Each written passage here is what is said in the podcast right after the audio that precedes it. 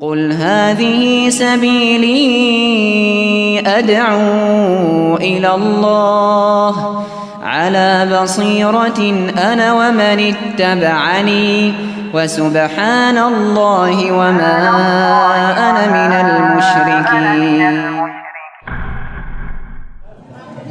بسم الله الرحمن الرحيم. الحمد لله رب العالمين والصلاة والسلام على أشرف الأنبياء والمرسلين. Alihi wa sahbihi ajmain. Allahumma inna nas'aluka ilman nafi'a wa rizqan thayyiba wa amalan mutaqabbala. Baik. Kali ini kita lihat tanda-tanda golongan yang selamat. Alamatul firqatin najiyah. Tanda-tanda golongan yang selamat. Baik, kita lihat beberapa tandanya sini disebutkan oleh Syekh Muhammad Jamil Zainu ada tiga tanda. Monggo dibaca. Pertama, golongan yang selamat, jumlah mereka sangatlah sedikit di tengah-tengah banyaknya umat Islam. Tentang keadaan mereka ini, Rasulullah Shallallahu Alaihi Wasallam pernah bersabda, berbahagialah orang-orang yang asing, yaitu orang-orang soleh yang berada di antara sekian banyak orang-orang buruk di mana orang-orang yang tidak sejalan dengan mereka lebih banyak dari orang-orang yang sejalan. Hadis ini sahih diriwayatkan oleh Ahmad. Baik, tubalil ghuraba. Sungguh beruntung orang-orang yang asing. Unasun salihuna fi unasin su'in kasirin mayyasihim aksar mimma yuti'ahum. Berbahagialah orang-orang yang asing yaitu orang-orang yang soleh yang berada di antara sekian banyak orang-orang yang su, orang-orang yang buruk. Di mana orang-orang yang tidak sejalan dengan mereka lebih banyak dari orang-orang yang sejalan. Berarti orang-orang yang rusak itu lebih banyak dibandingkan dengan orang-orang yang solehnya. Berarti prinsip yang pertama atau maaf tanda yang pertama jumlah golongan selamat itu sedikit. Jumlah golongan yang selamat itu sedikit. Baca lagi dalam Al-Quran. Di dalam Al-Quran Allah telah memberi kabar kepada kita tentang mereka dan memujinya dalam firman-Nya wa qalilun min ibadiyas syakur dan sedikit sekali di antara hamba-hambaku yang bersyukur. Dan sedikit di antara hamba-hambaku yang bersyukur. Orang yang bersyukur sedikit. Maka demikian juga sama dengan orang yang berpegang teguh dengan kebenaran. Jumlahnya itu sedikit. Yang kedua. Golongan yang selamat banyak dimusuhi oleh manusia. Difitnah dan diberi julukan-julukan yang buruk. Nasib golongan yang selamat ini seperti nasib para nabi yang dijelaskan oleh Allah di dalam Al-Quran. Yang artinya, begitulah kami jadikan untuk para nabi itu musuh yaitu setan-setan dari jenis manusia dan jenis jin. Sebagian dari mereka membisikkan kepada sebagian yang lain perkataan yang indah-indah untuk menipu manusia. Al-An'am ayat 112. Taib.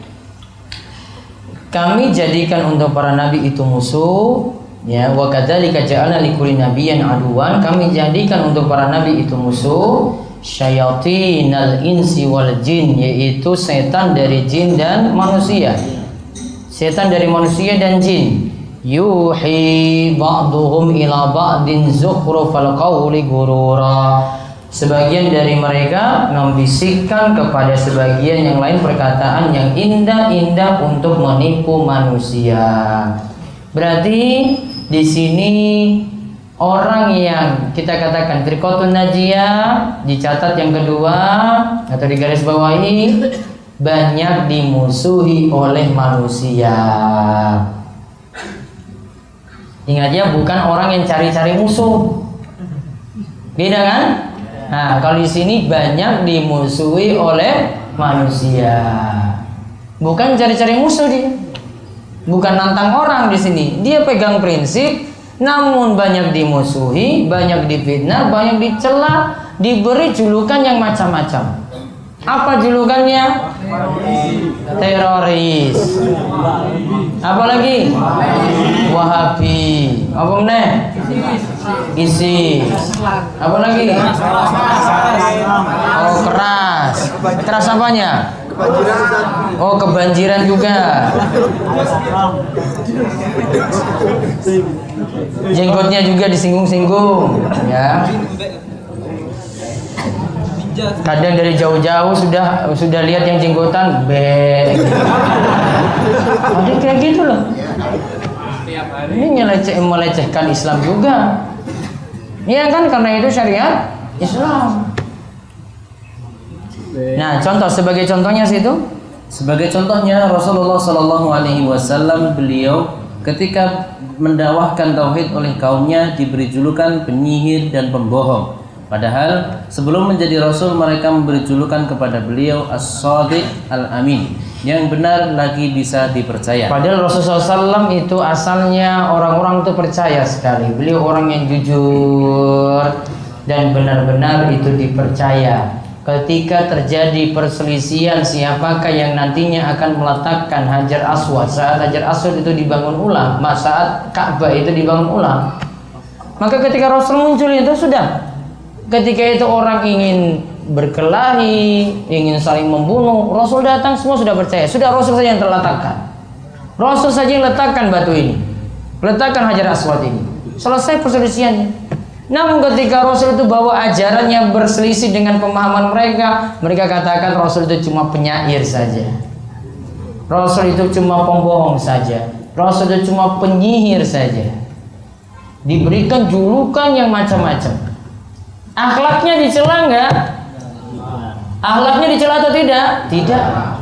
Maka berarti seorang yang ingin menyampaikan dakwah, akhlaknya diperhatikan dulu. Kalau akhlaknya itu sudah masalah, pasti nanti orang incar akhlaknya juga. Wah itu tukang tipu kok. Wah itu biasanya ngapusi orang kok. Wah itu orangnya biasanya nggak amanat kok. Wah dia jadi takmir itu biasanya itu bohongin orang. Kalau itu sudah dicela, sulit yang ajaran ini terima. Namun kalau akhlaknya sudah bagus, ajarannya ditolak. Nah sama seperti ini berarti. Jadi orang yang golongan selamat tadi, Firqatun Najiyah, biasanya punya banyak musuh.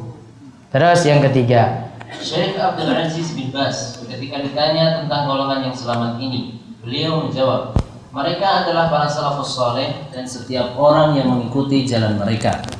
Itulah beberapa hal yang menjadi manhaj dan tanda-tanda dari golongan yang selamat. Nah sebentar, tadi ditanya tentang golongan yang selamat, mereka adalah para salafus soleh dan setiap orang yang mengikuti jalan mereka. Berarti di garis bawahi tanda yang ketiga mengikuti salafus soleh.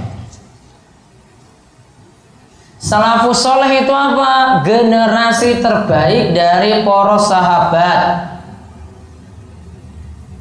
Salafus soleh itu siapa? Generasi terbaik dari para sahabat. Karena mereka yang menerima wahyu ketika Rasulullah itu juga turun, mereka yang dengar wahyu langsung. Tahu pemahamannya seperti apa. Tahu hadis-hadis Nabi SAW seperti apa. Berarti tiga tanda ya. Yang pertama jumlahnya sedikit. Yang kedua banyak dimusuhi. Yang ketiga mengikuti salafus soleh. Mengikuti salafus soleh. Sehingga karena mengikuti salafus soleh mereka disebut dengan salafi atau salafiyun. Karena mengikuti salafus soleh. Karena diikuti generasi yang terbaik. Berarti yang diikuti bukan orang belakangan. Namun yang diikuti yang dulu-dulu sudah ada yang bawa wahyu. Yang mereka itu paham agama lebih daripada kita terlebih dahulu. Ini bukan orang belakangan loh ini. Orang belakangan bisa keliru prinsipnya. Namun kalau ada orang belakangan, ada kiai yang hidup belakangan, yang hidup saat ini, ustadz yang hidup saat ini, ikuti yang dulu ada, kita ikuti mereka, berarti prinsipnya sama juga. Jadi ikuti salafus soleh. Yaitu siapa tadi? Generasi terbaik dari para sahabat. Itu generasi terbaik, generasi emas. Generasi emas dari umat Islam itu ada pada para sahabat.